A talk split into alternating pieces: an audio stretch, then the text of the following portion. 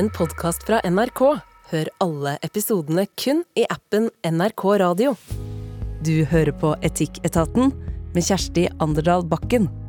Hvor Viku prøver med å hjelpe det som står i et eh, vanskelig dilemma, og i dag så skal det handle om sæddonasjon. Er det rasediskriminerende å ønske at donoren har en bestemt hudfarge? Og så skal det handle om eh, bryllup. Er du en dårlig feminist om du vil at pappa følger deg opp til alteret? Her rundt Etikketatens eh, store bord så sitter tre personer klare for å vri og vende på dilemmaet som de har sendt til oss. Og den ene i panelet kommer fra eh, den grønneste benken på Stortinget, Lan Marie Berg. Og siden det skal handle om å velge utseendet på far, får du høre at du ligner på noen? Ja, både på mamma og på pappa, egentlig. Eh, så pappa er fra Vietnam, og mamma er norsk. Og jeg ligner vel egentlig aller mest på mamma. Eh, men fordi jeg har fargene til pappa, fordi trekkene som folk først legger merke til, er asiatiske, så tenker mange at jeg ligner på pappa. da. Og ved siden av det sitter eh, Simen Bondevik, eh, for mange assosiert med det å være barnebarn av en viss Kjell Magne. Får du høre at de kan ligne? eh, nei, jeg kan aldri huske å ha hørt at vi ligner utseendemessig. Det er jo Eh, heller at jeg får høre at vi kanskje har litt lik retorikk og måte å snakke på. Eh, og noen som eh, mener at vi begge er litt vel glad i oss selv og glad i oppmerksomhet. Det har jeg fått høre noen ganger. Men er du lei til at folk drar fram at du er barnebarn? Uh, jeg syns ikke det er problematisk at det blir dratt frem, men noen ganger så er det jo litt irriterende dersom jeg f.eks. Uh, sånn som her da, blir introdusert som barnebarnet til Kjell Magne Bondevik istedenfor uh, leder i Unge Sentrum, som jo er faktisk det, det jeg er, da. Så det kan være litt irriterende noen ganger. Ja, da legger jeg til det med store bokstaver. Leder i ungdomspartiet i sentrum, og jobber i Changemaker også. Mm som er en del av Kirkens uh, Nødhjelp. Og så sitter da uh, et orakel på enden av bordet, etiker Einar Duengebøen fra Universitetet i Agder. Hvem uh, ligna du på? Jeg er som uh, snutt ut av nesa på faren min uh, utseendemessig, og så er jeg veldig lik mora mi inni. Ja, En god så, kombo. Ja, så her er det speil på utsida og innsida. Ikke sant. Um, vi skal inn i denne eh, donor-dilemmaet snart. Og så har vi hele fire dilemmaer foran oss det sammen. Et annet dilemma vi skal innom, det er tigging. Bør en egentlig gi? Og hvis du som hører på har et dilemma fra eget liv, så, eller som du plukka opp fra verden rundt det, så eh, send gjerne en e-post til oss til etikketaten krøllalfa nrk.no. Er donorvirksomheten i Norge diskriminerende? Det er spørsmålet nå når vi skal prate om donering av sæd her i Etikketaten. I Norge så kan mottakeren av sæd komme med ønsker for hvordan donoren skal se ut. Høgde, vekt, øyefarge, hårfarge og hudfarge er de fem kriteriene en kan komme med et ønske om. Og vi har fått en e-post til etikketaten krøllalfa.nrk.no fra Don Donor, som han kaller seg. Og han stiller et stort spørsmålstegn ved etikken i at det er mulig å komme med sånne spesifikke ønsker. Og det er spesielt det her med hudfarger som han mener er direkte uetisk. Er det ikke rasediskriminerende å kunne påvirke hvilken etnisitet en donor har, spør han. Um, Lan, eh, tå det her fem kriterier høgdevekt, øyefarge, hårfarge og hudfarge. Hvilke ønsker ville du komme med? I Norge så kan du komme med tre. Det er regelverket.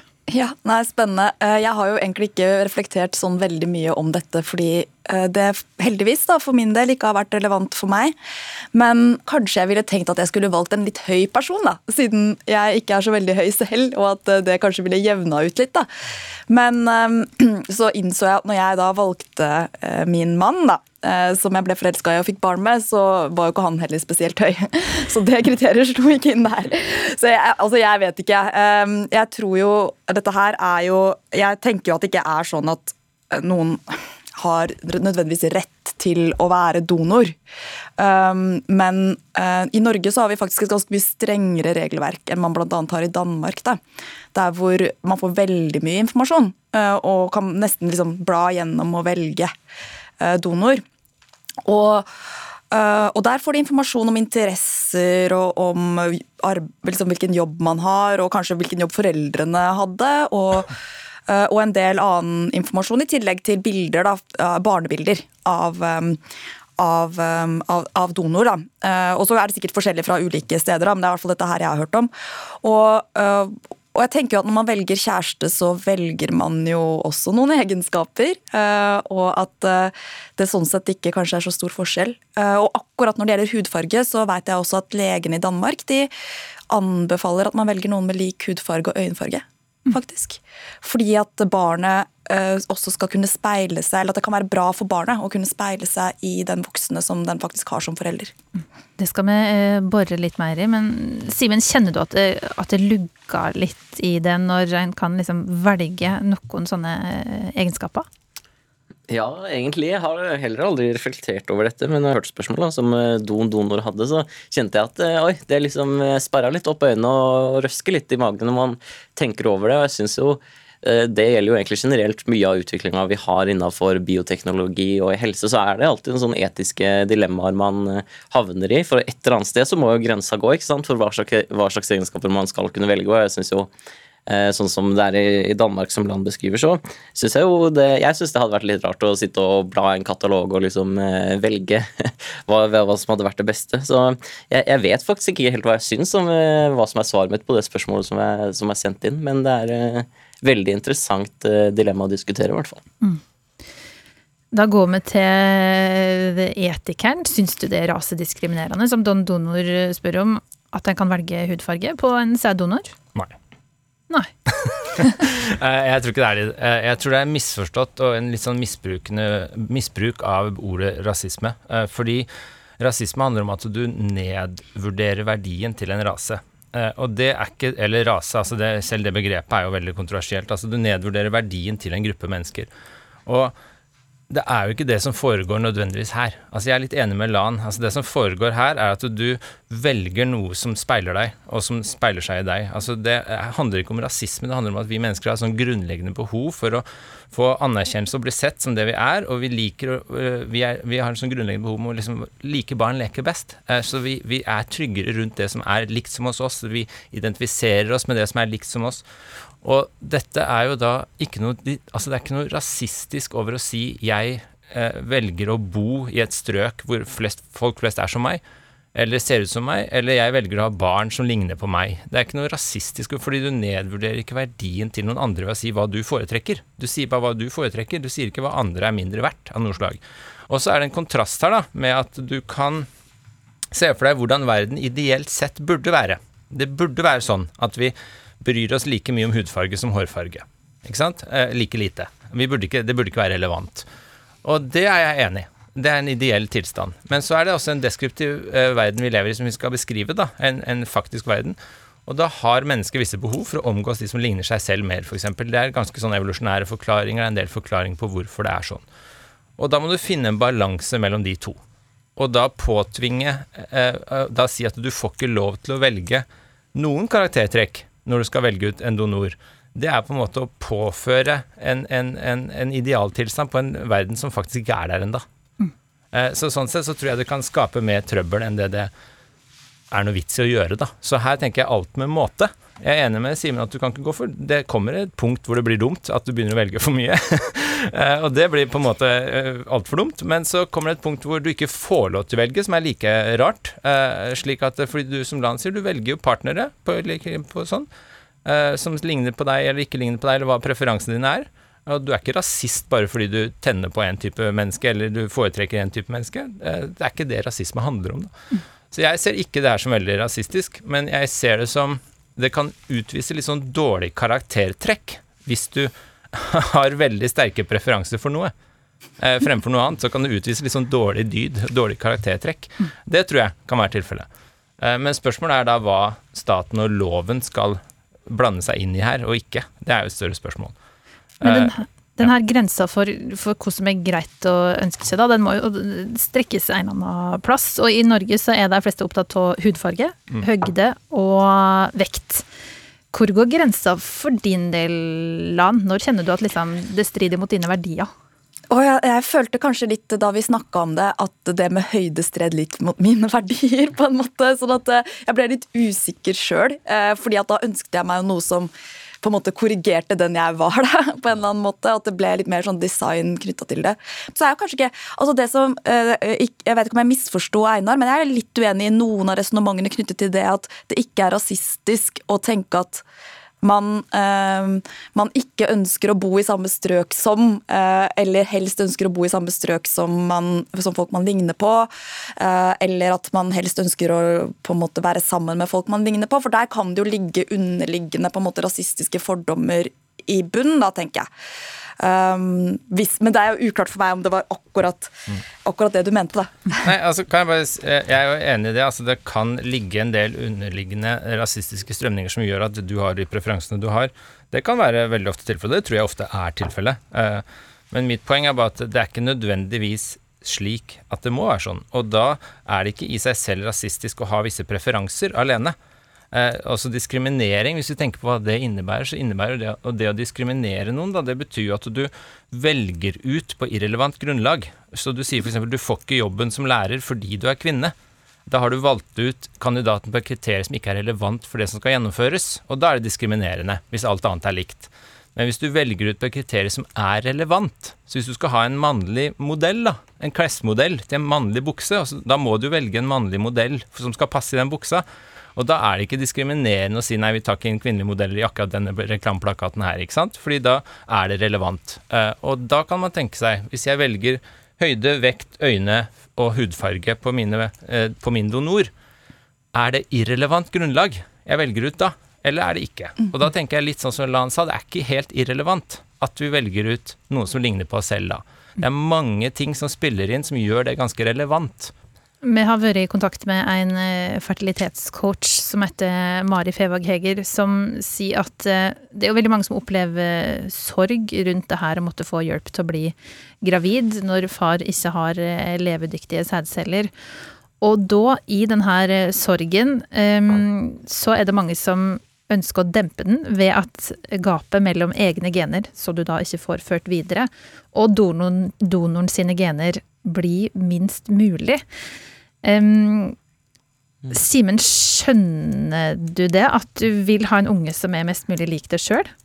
Ja, det forstår jeg egentlig veldig godt. Og jeg kan jo bare se for meg altså, hvis, eh, altså Jeg er jo i en livssituasjon hvor jeg mest sannsynlig har lyst på barn om en to-tre år. Og da eh, Jeg kan også bare liksom sette meg inn i den, eh, den sorgen jeg ville følt på, da, hvis, hvis, det hadde vært sånn som du beskriver her. Så det skjønner jeg egentlig, egentlig veldig godt. Så på en måte de liksom utfordringene som jeg, som jeg, ser ved dette, handler jo på en måte ikke om ting på et individplan, sånn sett. da, fordi jeg forstår at hver enkelt person har veldig gode grunner til å ønske å ha barn som ligner på seg selv, og, og det ville nok vært mitt, mitt ønske også. Men det jeg syns på en måte er det som gjør at jeg tenker meg om en ekstra gang, er jo at vi dessverre lever i et samfunn hvor hvordan du ser ut har ganske mye å si for hvor på samfunnsstigen du plasseres. Altså Det er dessverre sånn at eh, noen med én hudfarge plasseres over andre. Og hvis um, en veldig sånn at man kan velge mye detaljer i egenskaper og trekk og andre ting hos en donor, så vil jo jeg være litt redd hvis, eh, hvis, det går over i en retning av at man korrigerer i retning av det som på en måte er et skjønnhetsideal i samfunnet. Så jeg, jeg sier ikke at det, at det, gjør det, men det er i hvert fall en sånn, en sånn refleksjon jeg gjør meg. da. Hvor skjer Einar, hvis vi får liksom ubegrensa valg? Nei, altså jeg er litt enig med Simen. Altså det er en det er en sånn skråplanseffekt hvis vi får for mange muligheter til å velge eh, for hvilke trekk vi skal ha. Hvis du kan tenke deg litt sånn fremtidsscenario hvor CRISPR og genteknologi har kommet ganske langt, så vi kan klippe og lime ved et tidlig stadie. Blir litt sånn som å lage et Ikea-kjøkken. Du går inn på nettet, og så setter du sammen det du skal ha, og så bestiller du, og så blir det levert på døra. Og hvis vi begynner å tenke den retningen med det å få barn, da, så er det en stor fare, tror jeg også, som Simen er inne på, at det blir en sånn skråplanseffekt hvor det som er veldig in, eller det som er veldig populært i en tidsepoke, og det som er veldig sånn høyt på rangstigen eh, av, av, ganske tilfeldige årsaker, ender opp med å bli det alle foretrekker. Da får du en veldig uniform eh, eh, flokk med unger som kommer ut. De ser veldig like ut og oppfører seg veldig likt. Og det er ikke bra. Eh, det er ikke bra bare fordi av mange grunner, egentlig, men det er også ganske farlig å ha både en genetikk og en kultur som er veldig uniform og veldig konform og veldig lik, fordi den er veldig lite motstandsdyktig mot det som kommer utenfra. Slik at det trengs et mangfold eh, for å også ha større motstand mot eh, påvirkning. altså Bare sånn I genmaterialet trenger du mangfold fordi kommer det en sykdom, så har du et mangfold å ta av eh, som, som, gjør deg litt mer resistent. Det samme gjelder egentlig på et kulturelt nivå, da, men det er en mye større analyse. da. Men altså, Så jeg tror det er veldig viktig at ikke er for mye Det er ganske bra da, at det er litt tilfeldig hvem som kommer ut, fordi det skaper et mangfold som er sunt på alle nivåer. Slik at eh, det er, det er, en stor fare, tror jeg, at eh, folk foretrekker det samme fordi det er det som lønner seg der og da. Og du forstår det litt òg, hvis du skal velge ut en unge, og du kan velge alt, og så vet du at en bestemt hudfarge får lettere jobb. Mm. Da er det jo veldig lett på de vegne av dine barn å velge den hudfargen. Mm. Fordi du vet at den får lettere jobb. Og da sklir du i den retningen, ikke sant? så begynner alle å gjøre det. Eh, så det er en kjempefare. Det er et kjempedilemma, jeg er helt enig.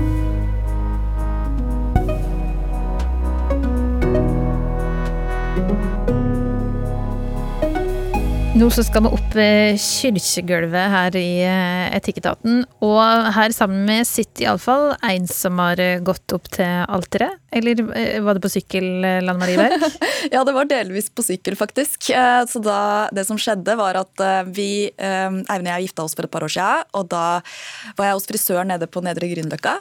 Og så kom Eivind ned med kassesykkelen og henta meg. Og så sykla han meg opp til Sagene. Eh, der vi skulle gifte oss, og så gikk vi sammen opp til alteret, da. Var han ikke veldig svett da, når han skulle komme seg opp den bakken fra Grünerløkka til Sagene, og så skulle han inn i kjerka? Jo da, men jeg kan fortelle at fotografen, han var svettere. det er bare oppoverbakken. Passer godt i de miljøprofilen til MDG, da, iallfall. Eh, Einar Dyngebøen, professor i filosofi, har du, har du gått opp til alteret? Nei. Vi gifta oss eh, borgerlig på ambassaden i Stockholm. Vi tok toget. Sa det ikke til noen. Bare stakk og gifta oss. Mora mi ble kjempesint fordi hun ikke hadde fått vite om det. Så det gikk fort over, da. Men ja, nei, vi, vi gikk ikke opp noe alltid. Nei. Um, Simen Bondevik, leder i partiet Unge Sentrum, med gifteplaner. Så det her dilemmaet vi skal inn i, det kan hende at du diskuterer på kjøkkenbordet om dagen. Vi skal altså inn i dilemmaet som Elise Kruse har skrevet om, som er en av redaktørene i avisa Vårt Land. Og um, hun gifta seg for ei tid siden, og da ba hun far sin om å følge henne opp uh, kirkegulvet. Og det valget tok hun, sjøl om hun vet at både nære kollegaer og gode venner mener at denne skikken er en uh, uting. Den norske kyrkja de tar òg til orde for å avvikle ordninga, fordi de mener at den spiller på et uh, kjønnsrollemønster som vi er ferdig med. I månedene før hun gifta seg, så tenkte hun veldig masse på det her. Eh, tankene ble til en kommentar i avisa, og hun skriver mellom annet For meg var det viktig å ha pappa ved sida av meg på den aller viktigste dagen i mitt liv. liv. Fordi han er den eneste attlevende forelderen jeg har, og en av mine aller beste venner. Han representerer familien min, slekta mi, røttene mine og trua mi.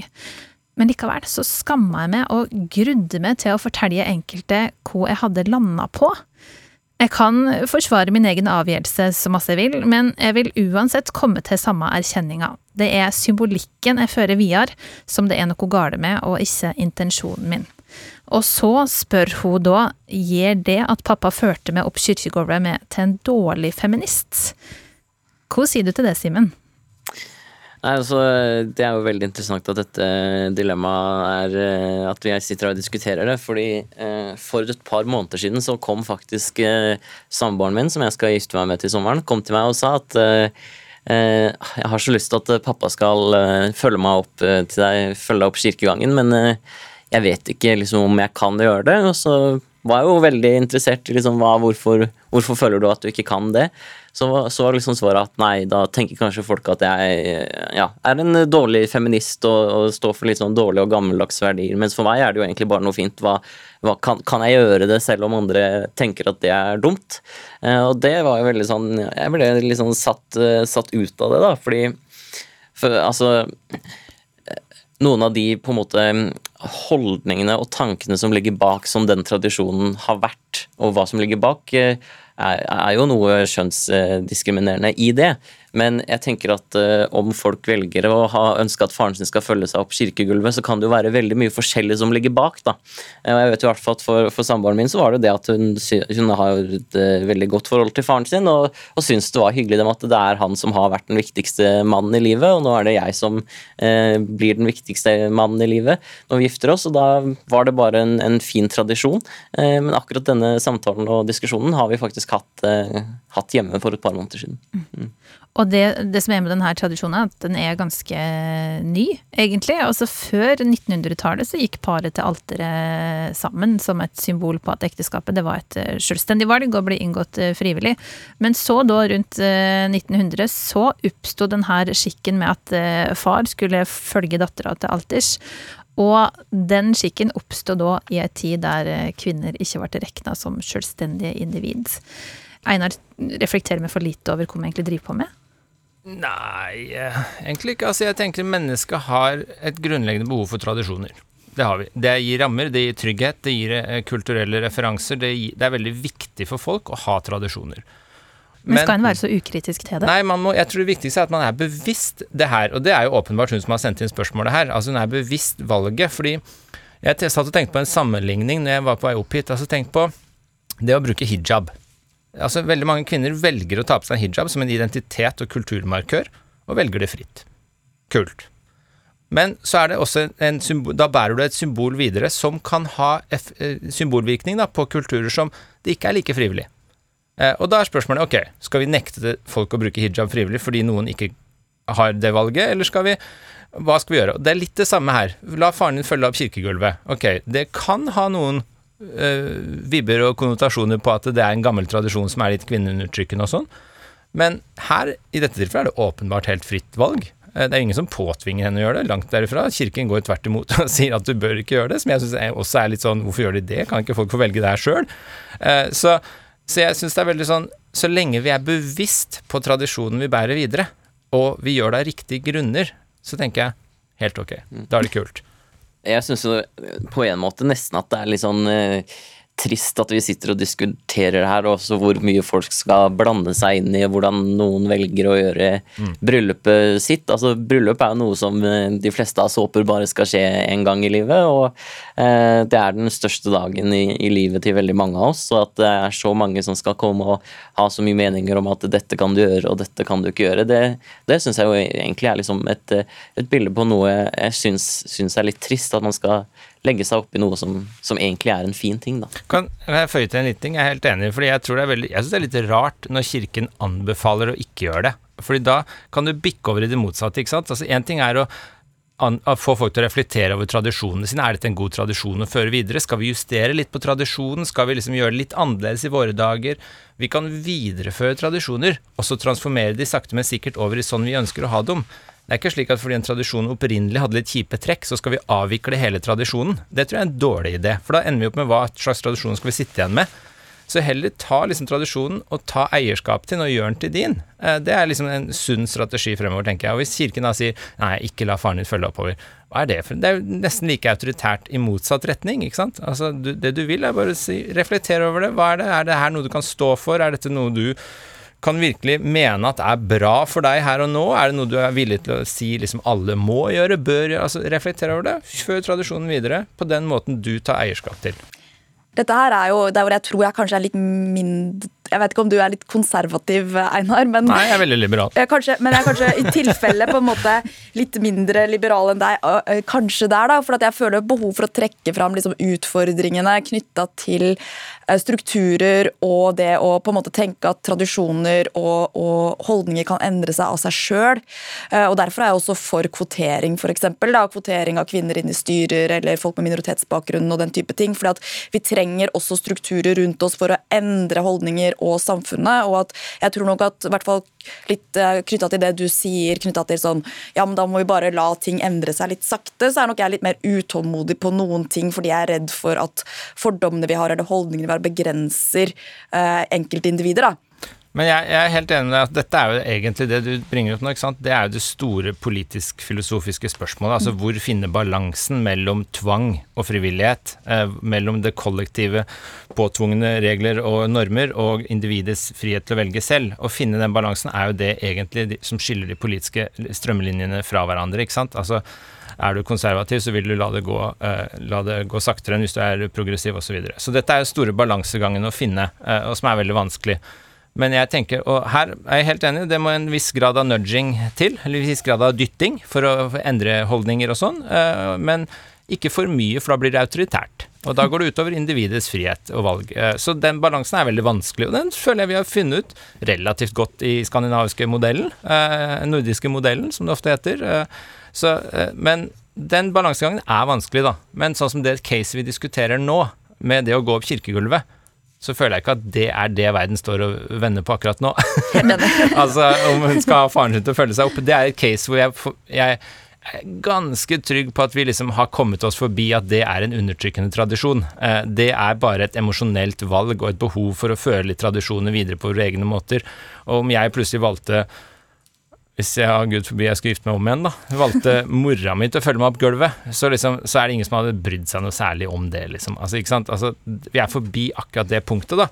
Men at vi, det er mange underbevisste holdninger som trenger litt nudging hvis vi ønsker å forandre et samfunn, bl.a. på miljø, f.eks., som han er veldig opptatt av. Så trenger det litt nudging. Og da tror jeg det er veldig viktig, som jeg var inne på, dette med å bevisstgjøre og reflektere over det. Altså, det er det, sånn du får opp underbevisste eh, holdninger ved at noen provoserer fram en refleksjon på det. Eh, og det må jo skje, ikke sant. Og det er derfor jeg sier gå opp kirkegulvet med faren din, men vær bevisst på hva du gjør. Mm, jeg er enig i det. Og for meg så blir det sånn oppsummert i at uh, selv om tradisjonen uh, som, vi, som, vi, sitter og snakker om, har en, en undertrykkende historie eller et liksom diskriminerende utgangspunkt, så mener i hvert fall jeg ganske sterkt at kvinner som velger selv å gå opp kirkegulvet med faren sitt, er ikke dårlige feminister av den grunn. Jeg tror det er sterk feminisme, egentlig, hvis du er bevisst valget. Det kan ikke være noe sterkere feminisme enn å være bevisst og ta et selvstendig valg som du selv omfavner fordi du mener at du kan stå for det. Er det noe bedre enn det, liksom? Det kan ikke være noe undertrykkende ved det. Men Simen, du sier kvinne velger. Det er eh, din kommende kone som tar det her valget, eller blander du det litt inn? Nei, jeg blander meg ikke inn, og det var veldig viktig for meg når hun kom med dette til meg, at det er eh, hennes valg, og så hjalp henne kanskje litt til å, henne litt til å trygge henne på det at eh, det går fint å gjøre det, selv om noen kanskje dessverre ser litt rart på det. Kan jeg, kan jeg slenge på en liten ting? Fordi jeg tenker, Nå blir jeg veldig pratsom her. Fordi jeg tenker at det er viktig, det er ganske viktig da, at uh, fornuft og følelser er i relativt god harmoni. Altså Det er ganske farlig når fornuften løper løpsk uavhengig av følelsene dine, eller følelsene dine løper løpsk uavhengig av fornuften din. Og hvis du er veldig sånn snusfornuftig og tenker veldig mye over saken, og så gjør du noe som du egentlig ikke føler er riktig, eller du ikke har lyst til, eller du ikke har preferanse for, og så begynner du å handle deretter i for stor grad, så får du en ganske ubalanse. Jeg tror ikke det er veien til et godt liv, og jeg tror ikke det, når folk ikke følger veien til et godt liv, så tror jeg heller ikke det følger veien til et godt samfunn. Eh, så det er viktig å finne den balansen, da. At det ikke tar av med sånn snusfornuft og moralpoliti som på en måte krasjer med faktisk det folk egentlig bryr seg om. Så her fikk Elise nokså grønt lys for å løsne litt på prinsippene sine og følge følelsene sine. Jeg har to dilemmaer med her i Etikketaten som skal eltast. Og hvis du som hører på har en eh, venn som står i, eller har stått i valget om å bli fulgt ned kirkegulvet av pappaen sin, så del gjerne episoder med deg. Og kanskje er du en av de som eh, ikke klarer å bli helt enig med deg sjøl i om du skal gi til tiggere eller ikke. Da bør du i så fall høre etter nå. Jeg kan eh, avsløre at det er nokså store uenigheter i panelet når det kommer til å gi til tiggere eller ikke. Og de som har samla for å diskutere dilemmaet i dag, det er altså Simen Bondevik, som jobber med å hjelpe fattige gjennom organisasjonen Changemaker. Einar Duengebøen, du eh, lærer både studenter og folk flest om eh, moral som professor i filosofi. Og Lan Marie Berg, som da sitter i landets viktigste sal og bestemmer hvilke regler vi må forholde oss til som stortingsrepresentant for Miljøpartiet De Grønne. Jeg heter Kjersti Anderdal Bakken. En som kaller seg Georg, skriver til etikettaten krøllalfa nrk.no. Hei! Jeg kunne tenke meg å høre hva det tenker rundt dette med tiggerne som sitter på gata og fryser om dagen. Dette har vært en heftig diskusjon i vennegjengen, så da vi tok opp det med å gi, eller ikke gi. Jeg ble litt eh, overraska over at gjengen var så samstemt. Vennene mine de gir aldri tå prinsipp, fordi de frykter at det kan stå en eh, bakmann klar på slutten av dagen, en eh, pengeinnkrever. Sjøl så tenker jeg at det, det å aldri gi, det gir meg til en prinsipprytter, og ikke et menneske. Samtidig så vil jeg jo ikke bidra til organisert kriminell virksomhet heller. Hva tenker det om det her, Helsing Georg? Simen, gir du til tiggere? Ja, eh, og jeg har en tendens til å gi også ganske mye. Eh, både gjennom eh, oppveksten min, når jeg ikke har hatt noe annen inntekt enn en liten ukeslønn fra mamma og pappa for å rydde ut oppvaskmaskina, eller nå når jeg har en ganske stram studentøkonomi, så, så er det jo sånn at jeg bruker en del penger på å, å gi til tiggere. Og at det når, når, det rett og slett sitter folk og, og ber på sine knær om, eh, om penger og, og, er i en sånn situasjon, så syns jeg faktisk det er veldig vanskelig å, å, ikke gi. da. Og det er rett og slett en, en refleks som, som, bare utløses eh, i meg. Mm. Har du den refleksen, Einar? Nå kommer jeg til å høres ut som en forferdelig person, da, men nei. ja. For du gir disse? Nei, altså Nei. Jeg vet ikke helt hvorfor. Jeg ble litt stressa nå, fordi jeg vet ikke.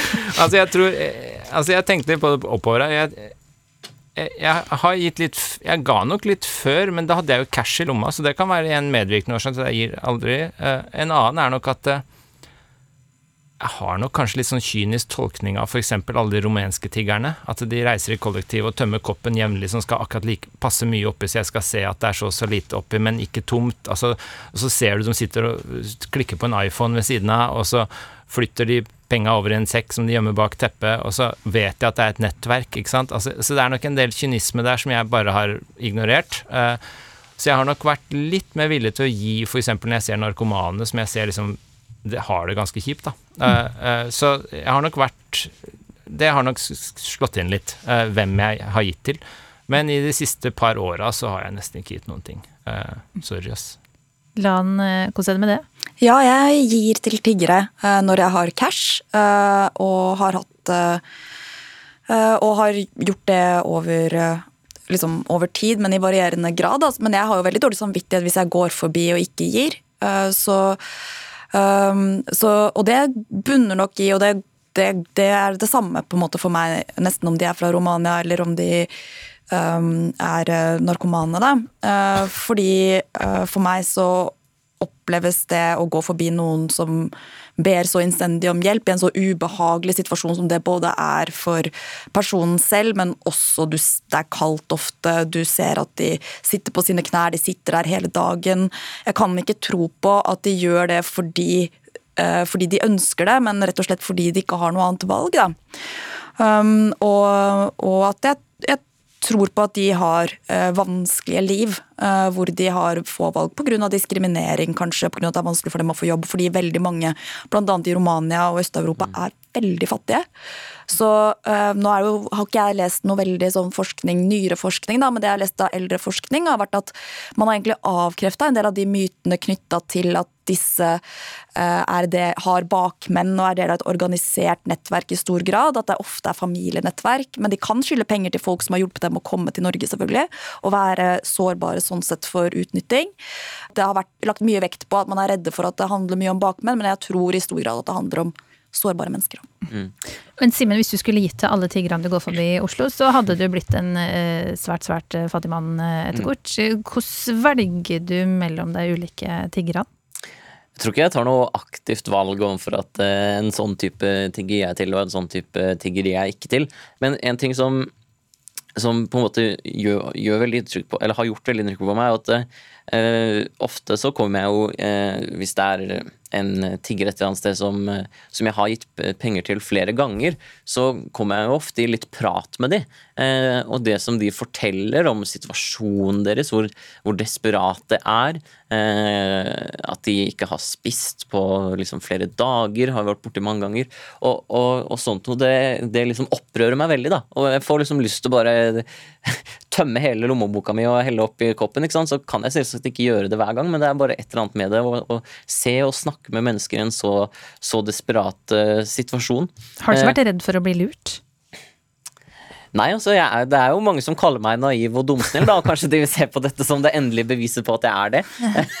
så det kan godt være, men det er jo ikke sånn at jeg alltid tømmer lommeboka mi. Hvis, jeg, hvis det er eh, noen som kjenner meg igjen, og som jeg syns begynner å bli litt, eh, litt vel pågående, da, så, så, pleier jeg å si at nå, hvis du vil, så kan jeg kjøpe noe mat til deg, eller altså Og da takker de jo alltid ja.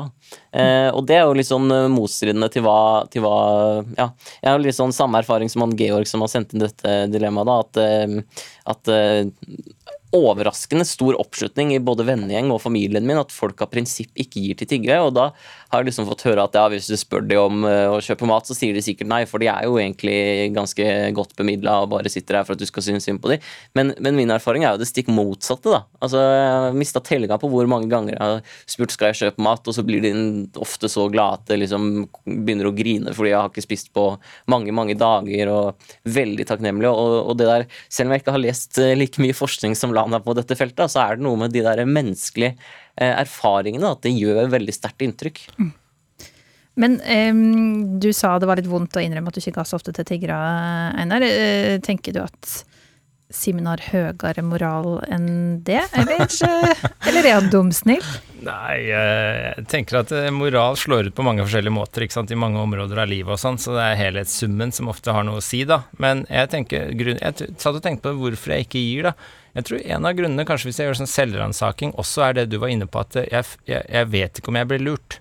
Eh, og da blir usikkerheten vinner over meg. Slik at når jeg ser en tungt narkoman som jeg på en måte skjønner at her blir jeg ikke lurt, så er det mye lettere for meg å gi eh, enn når jeg ser et system. Om det er et stort nettverk, eller om det er et bitte lite familienettverk eh, som står bak den tiggeren eh, jeg ser, jeg har heller ikke så mye å, å, si, kanskje, for det er mer den der usikkerheten om hva det er jeg gir til. Eh, jeg vet ikke hva jeg gir til, og den, når Simen sier han inviterer de på mat, sier de alltid ja. Hvis noen inviterer meg på mat, så sier jeg ja òg. Altså, det er sånn, du, Man sier jo ja til mat. Jeg tror ikke det i seg selv er den beste indikatoren på at dette ikke er mer kynisk enn det fremstår. Uh, slik at og så er det ikke noen tvil om på den annen side at Romania er et fattigere land, og, og, mange av de fattige trekkes ut i tiggerstrukturer og nettverk, og det bør ikke, bare fordi det er et nettverk, bør det ikke være at de ikke De bør ikke ha det bra av den grunn. sånn at uh, nettverket kan også trenge penger, ikke sant. Altså, så så det er veldig vanskelig, men jeg, jeg, jeg syns det er ganske interessant hvorfor noen gjør det og ikke gjør det. Eh, og filosofisk sett, da, så er det et ganske interessant spørsmål hvor stor de moralske forpliktelsene dine, hvor bredt de sprer seg utover. Altså Det fins eh, forskjellige teorier på det at noen mennesker har veldig sånn sterke moralske forpliktelser til en liten gjeng, og så blir det fort svakere utover til mer perifere folk i vennekretsen din. Og så andre har mye mer sånn universell etisk forståelse, hvor de har moralske forpliktelser til alle like mye, uavhengig av hvor nærme de er i dine indre sirkler. Da. Uh, og, og, jeg er nok kanskje i den første gruppa, da. Altså jeg har veldig sterke moralske forpliktelser og, og følelser og sånn jo nærmere det kommer meg. Uh, og jo lenger unna, jo mer fader det. Uh, og, og det, der deles filosofien en del også, da, på hva som er rett. Uh, jeg tror f.eks. ikke jeg har moralske forpliktelser overfor folk i en helt andre deler av verden som jeg aldri har møtt og sett, på samme måte som jeg har overfor min nærmeste familie. ikke sant? Uh, og der er det noen filosofer som mener nei, du har det likt overalt, men av evolusjonære grunner og sånn, så foretrekker vi det nærmeste. Mens andre sier nei, det er helt ok å ha sterkere moralske forpliktelser overfor de nærmeste enn for fjerne. Så det er et ganske sånn interessant spørsmål akkurat det der, faktisk, om, om Simen er en bedre moralsk person enn meg. altså, jeg, jeg, tror, jeg, tror, ikke det, da. Eh, og det er eh... Enten er det mye bedre enn meg moralsk sett, eller så er det mye mer naiv. ja. du kan velge. Ja, nei, altså, det kan godt være at jeg er mer naiv, jeg tar den, altså, men, men, men, jeg tror det, det er liksom sånn når jeg har vært i samtale og diskusjon med, med venner og andre da, som ikke gir til tiggere, så er det jo liksom, blir jeg jo veldig fort møtt med det spørsmålet, eller liksom den blir konfrontert med det at da, du føler at liksom du rir på din moralske høyhest og gir til tiggere for å føle deg bra, men jeg, jeg må viktig for meg å understreke at jeg føler meg ikke noe bedre eller tror jeg høyere moral enn andre. Altså, folk som eh, ikke gir til tiggere, eh, kan jo for alt jeg vet gi betydelig større summer enn meg til veldedige formål på andre måter. Så, ja. For, men, ja. Nei, jeg bare kjapt for jeg glemmer det, for jeg synes det er veldig interessant det her. fordi du kan sammenligne to scenarioer, da. Det er den som går og gir mynter til tiggerne, eh, og så har du den personen som på en måte gir en stor sum til en veldedig organisasjon. ikke sant? Uh, uh, og da er spørsmålet hvem er det som egentlig gjør det rette her? Altså En balansegang kanskje er det beste, alltid. Men sånn som for mitt vedkommende så har jeg tenkt og ville vært mer villig til å gi f.eks. 100 000 til uh, ytringsfrihets, folk som kjemper for ytringsfrihet. Det tror jeg er viktig grunnpilar for et godt samfunn. Men så går jeg forbi en tigger som jeg ikke vet hva slags nettverk er en del av, så gir jeg ikke ei krone, ikke sant. altså, så hvor du balanserer og legger din moralske vekt, da, eh, hva du tenker er viktig og prioritering, det varierer jo veldig fra folk til folk og sted til sted og sånn. Men det skurrer litt i empatien? Du kjenner at det gjør litt altså, vondt? Ja, jeg tror det kommer litt an på hvor, om man tenker veldig sånn nærhetsetikk? Altså sånn, jeg føler veldig forpliktelsen for det jeg ser her og nå, eller tenker du mer sånn konsekvensetikk? Sånn, hva er det mest nyttige å gjøre, eh, moralsk sett? Men Lan, kjenner du at det er noe i eh, livssynet ditt og verdisynet ditt som slår ut når du går forbi en tigger? Ja, det tror jeg. Altså, jeg tror nok jeg ligger på en måte nærmere den der å føle et universelt ansvar for alle mennesker på jordkloden uh, enn det som Einar gjør. Uh, men det som jeg også kjenner et ansvar for, da, det er jo det å menneskeliggjøre de som sitter og ber om penger. Og det er noe som jeg har hørt også at veldig mange av de som Eh, tigger på gata i Norge har følt på. At det vondeste er eh, at de føler at folk ignorerer dem, og at de ikke snakker med dem eller titter på dem eller på en måte anerkjenner at de sitter der og er mennesker. Og det tror jeg er ganske menneskelig på en måte. At man føler på at man vet ikke helt hvordan de ønsker at du skal reagere. Man blir kanskje litt skamfull selv fordi man går forbi og ser at noen har det vanskeligere enn seg, men ikke gir noe av sitt overskudd. Uh, og men det jeg, jeg, på en måte prøver på, er jo uansett å fange blikket deres og anerkjenne at de er der og si hei mm. og den type ting. Og det syns jeg jo er veldig det er veldig vanskelig, da, for at, uh, det er vanskelig å vite om de liker det, eller om de helst vil bli latt i fred hvis ikke du har noe å gi dem. Så Det er vel hvert fall én ting som jeg tenker er viktig. da. Men det andre jeg tenkte jeg skulle ta opp, det er dette her følelsen av å bli lurt. Som uh, Einar også er inne på. da. For jeg tror det også er veldig menneskelig, det at man ikke liker å bli lurt. Altså, Jeg er enig med Lan at man skal menneskeliggjøre folk. På den annen side så er det slik at Og når jeg sier på den annen side, høres det ut som jeg skal bagatellisere det. Jeg skal ikke det. Det er veldig viktig. Men Og menn igjen, veldig vanskelig. Ok. Men det er også det at når du går nedover gata Karl Johan, eksempel, da, så ja, så skal du humanisere alle. Men det er også et gjensidig greie her, ikke sant. Altså, hvis jeg skal se alle de nedover der som medmennesker på like fot, så, så kommer jeg for seint på jobb. Ikke sant. Altså, det, det, er en sånn Det går en grense for hvor mye andre kan forlange av deg at du skal gjenkjenne dem også. Fordi det, det er jo din tid og ditt, ditt, liv som de da tar av. Eh, så det er også noe en balansegang der som jeg tror er verdt å reflektere over. Altså, altså, ja, vi, skal, vi, må jo se hverandre, men jeg tror ikke andre mennesker har noe krav på at jeg skal se dem hele tiden til enhver tid. Slik at det, hvor går den balansegangen? Hvor det er greit for meg å gå videre og ikke stoppe og ta en prat og se de som medmennesker på like fot? Og hvor går grensen for når det blir for kaldt og jeg går for langt i den retningen? Den balansegangen er også ganske vanskelig. Mm. Da har eh, Georg mye å ta med tilbake til prinsippryttervennene sine neste gang de diskuterer det her med tigging. Eh, vi skal videre til siste dilemma med her i Etikketaten i dag, og da skal vi inn på arbeidsplassen til Ulrik. Hei, skriver han til etikketaten krøllalfa nrk.no. Jeg har en kollega som stadig melder seg sjuk på jobb, i snitt en dag i viku.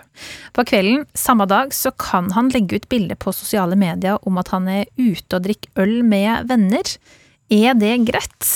Jeg mener at jeg sjøl har en sterk arbeidsmoral, og kjenner at jeg stempler kollegaen min som en på andre enden av skalaen. Men kanskje det er jeg som er for streng?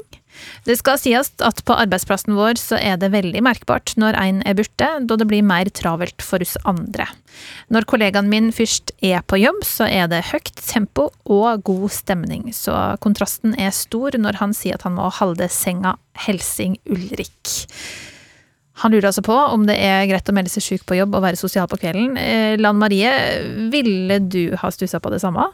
Ja, det ville jeg gjort. Um, og det, her tenker jeg at hvis man er sjuk en dag og melder seg sjuk, og så tenker at man har uh, energi og kapasitet da, til å dra ut på kvelden, så kan det på en måte bidra til å undergrave da, tilliten i samfunnet og velferdsstaten, rett og slett. Fordi her har vi en høy tillit i samfunnet, vi har en velferdsstat som stiller opp når du er sjuk også på kort sikt, men den er også under press. Eh, både fordi at eh, ja, det, er, det finnes jo partier som ønsker at vi skal f.eks. redusere sykepengene for de som uh, har bare korttidssykefravær, de første dagene man er sjuk, f.eks. Så det er her på en måte balansen går. da. Eh, og så finnes det jo unntak. altså Det finnes jo enkeltvise unntak og sånt, men spørsmålet er også Dette her høres ut som det er noe som skjer litt sånn uh, flere ganger, da. Og da blir det også problematisk. Men der hvor jeg tenker at det kan være unntak, da, det er jo når det handler om kronisk sykdom, f.eks. Eller langtidssykefravær som kan dreie seg om psykiske utfordringer og sånn. Og da kan det jo hende at det som kan gjøre den personen friskere, er å også komme seg ut og være sosial. Eller at vi ikke skal nekte de som har kroniske sykdommer å ha et sosialt liv. Så der er det på en måte en forskjell på korttidsfravær og lengre tidsfravær. Det er faktisk sånn at én av tre av oss har eh, skulka jobb og sagt at vi var syke, bare for å få en fridag. Sånn at eh, det er en tillit som mange utfordrer her. Hva tenker du om eh, det Ulrik spør om her, Simen? Nei, altså Jeg forstår frustrasjonen utrolig godt hvis det er sånn man opplever at en eh, kollega melder seg syk av ingenting og drar ut og har et eh, helt annet liv på kvelden. Så forstår jeg den frustrasjonen veldig godt. Likevel så vil jeg jo understreke det at eh, det er jo veldig mye som eh, man ikke ser, da. Eh, og jeg er jo selv nå i den situasjonen at jeg har vært eh, sykemeldt fra jobb i flere måneder pga. ganske kraftige migreneplager. Likevel så har jeg jo fortsatt venner på besøk på kvelden innimellom, prøver å få dratt ut og gjort noe hyggelig med kjæresten min en gang iblant. Og jeg sitter jo her i dette radiostudioet i dag og snakker med dere, ikke sant.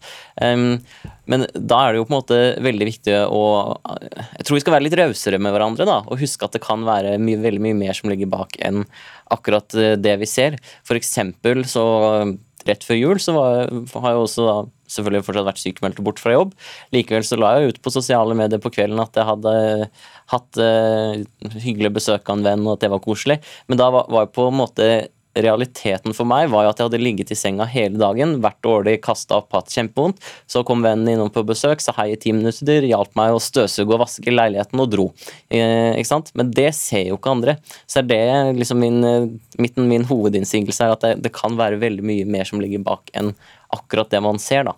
Og så er det jo selvfølgelig eh, litt sånn som Lan sier, da, ekstra viktig at man ikke utnytter de rause velferdsordningene som vi tross alt har, fordi det skaper liksom mistenksomhet og, og svekker tilliten. Eh, men jeg kjenner jo på det selv, at jeg syns det er eh, litt sånn skummelt og ubehagelig den situasjonen jeg står i nå. da, fordi skal det mest Jeg er veldig konfliktsky type, så det mest behagelige for meg hadde jo bare vært å eh, ligge under dyna på rommet i et mørkt rom hele dagen og aldri snakke med noen, fordi da er det ingen som kan stille spørsmålstegn ved om jeg er syk. Men da hadde jeg gått helt til grunne. ikke sant? Så jeg er nødt til å, Selv om jeg er sykemeldt og ikke i stand til å jobbe, så er jeg jo i stand til å være med en venn en kveld. Hvis jeg sparer opp energi over tid, så er jeg i stand til å være med og se et eller annet som eh, kjæresten min gjør. ikke sant? Så, så ja. Men når hadde du begynt å stusse, da, når det er snakk om korttidsfravær, og at noen legger ut et eller annet de har gjort på eh, sosiale medier? Mm. Ja, Hvis det hadde vært en uh, gjentagende trend, da, sånn som Ulrik beskriver at man melder seg syk uh, stadig vekk på dagtid og er på konsert på kveldstid, uh, eller hvis jeg liksom mistenkte at noen her sykemelder seg for fyllesyke dag etter dag, så hadde jeg selvfølgelig reagert på det. men jeg tror jeg har en litt høyere terskel på å reagere, både fordi jeg har en samboer som, som har kronisk sykdom, og jeg selv også har vært satt i spill i flere måneder av, av migrene, og da, da, får man liksom et litt nytt syn på ting. Da, at jeg kan ikke grave meg ned i et hull hjemme og fjerne hele det sosiale livet mitt selv om jeg ikke er i stand til å jobbe. Men det er fordeler med moralpoliti også, Einar, eller hva tenker du? Ja, altså jeg tenker det Lan og Simen sa er egentlig oppsummerer det veldig klokt. jeg tenker det var ganske lurt, alt det du sa ja, eh, om den saken her, faktisk. Eh, men fordi det, hvis vi skal prøve å trekke, heve det litt opp på et litt sånn filosofisk, teoretisk nivå, da, som er min hobby, så er det jo sier det jo altså Jeg tror det kommer til et punkt. Alt kommer til et punkt. Det gylne middelvei er liksom alltid sannheten, ikke sant. Så det kommer til et punkt hvor du skjønner at denne personen Alle har sin historie, alle har noe å slite med. Jeg husker i Skam, den eh, serien, den TV-serien, jeg likte den veldig godt. Jeg var en av fansen på den. Og den, der sto det en sånn plakat på veggen 'Husk at alle har sin historie', eller 'Husk at alle har sitt å slite med'. ikke sant? Det var regelen hun hadde på rommet sitt, som hun så hver dag. Det tror jeg er en veldig god regel. da. Eh, husk at alle har noe. Det er alltid en grunn bak. Eh, men så kommer det til et punkt hvor du begynner å mistenke at din kollega er en unnasluntrer. Det er en person som går på konsert, er fyllesjuk, som stadig vekk ikke gidder å gjøre det en skal, tar litt lengre lunsjpause enn alle andre, sitter litt for lenge på telefonen på jobb. Altså, du, du, du får vibbene ute til slutt av at dette her er en person som skurker. Når det skjer, og du ikke lenger ser at det er noen historier bak som på en måte kan forklare det, så kommer det et punkt hvor du tenker dette er en unnasluntrer. Og det som skjer etisk sett da, er jo at karaktertrekkene til denne personen kommer dårlig ut. Og du tenker dette er en dårlig karaktertrykk, det er en latsabb, eller det er en som sluntrer unna, eller en person som ikke gidder å jobbe, hun gjør ikke det hun skal, eller Og da får du et moralsk fall, egentlig, som karakter, da. Det er sånn man tenker ofte i dydsetikk. Altså, da får man Da kommer det ut som en dårlig karakter, og da slår det inn litt sånn da er det klart det blir irritert for fellesskap som sitter på jobb og må ta den byrden for den andre. Eh, for dette er et lite fellesskap, som den personen her sier òg. Altså, det blir mer å gjøre på de andre når de er sjukmeldt. Så hvis én er sjukmeldt, så må jo noen andre gjøre den jobben. Og hvis du da sluntrer unna av feil grunner, så sitter de på jobben og må gjøre det du skulle ha gjort.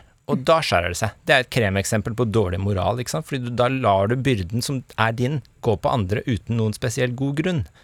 Og da er det umoral. Da er det direkte umoralsk på alle nivåer. Da snylter de på systemet, de snylter på medmennesker. altså Da er du bare en dårlig person på det trekket der. Men kjenner du noe godt ut av at Ulrik irriteres over det her? Ja, altså Den type irritasjon må, den har jo en funksjon i et sosialt fellesskap. Altså Når du merker at andre er irritert på deg, så skammer du deg litt.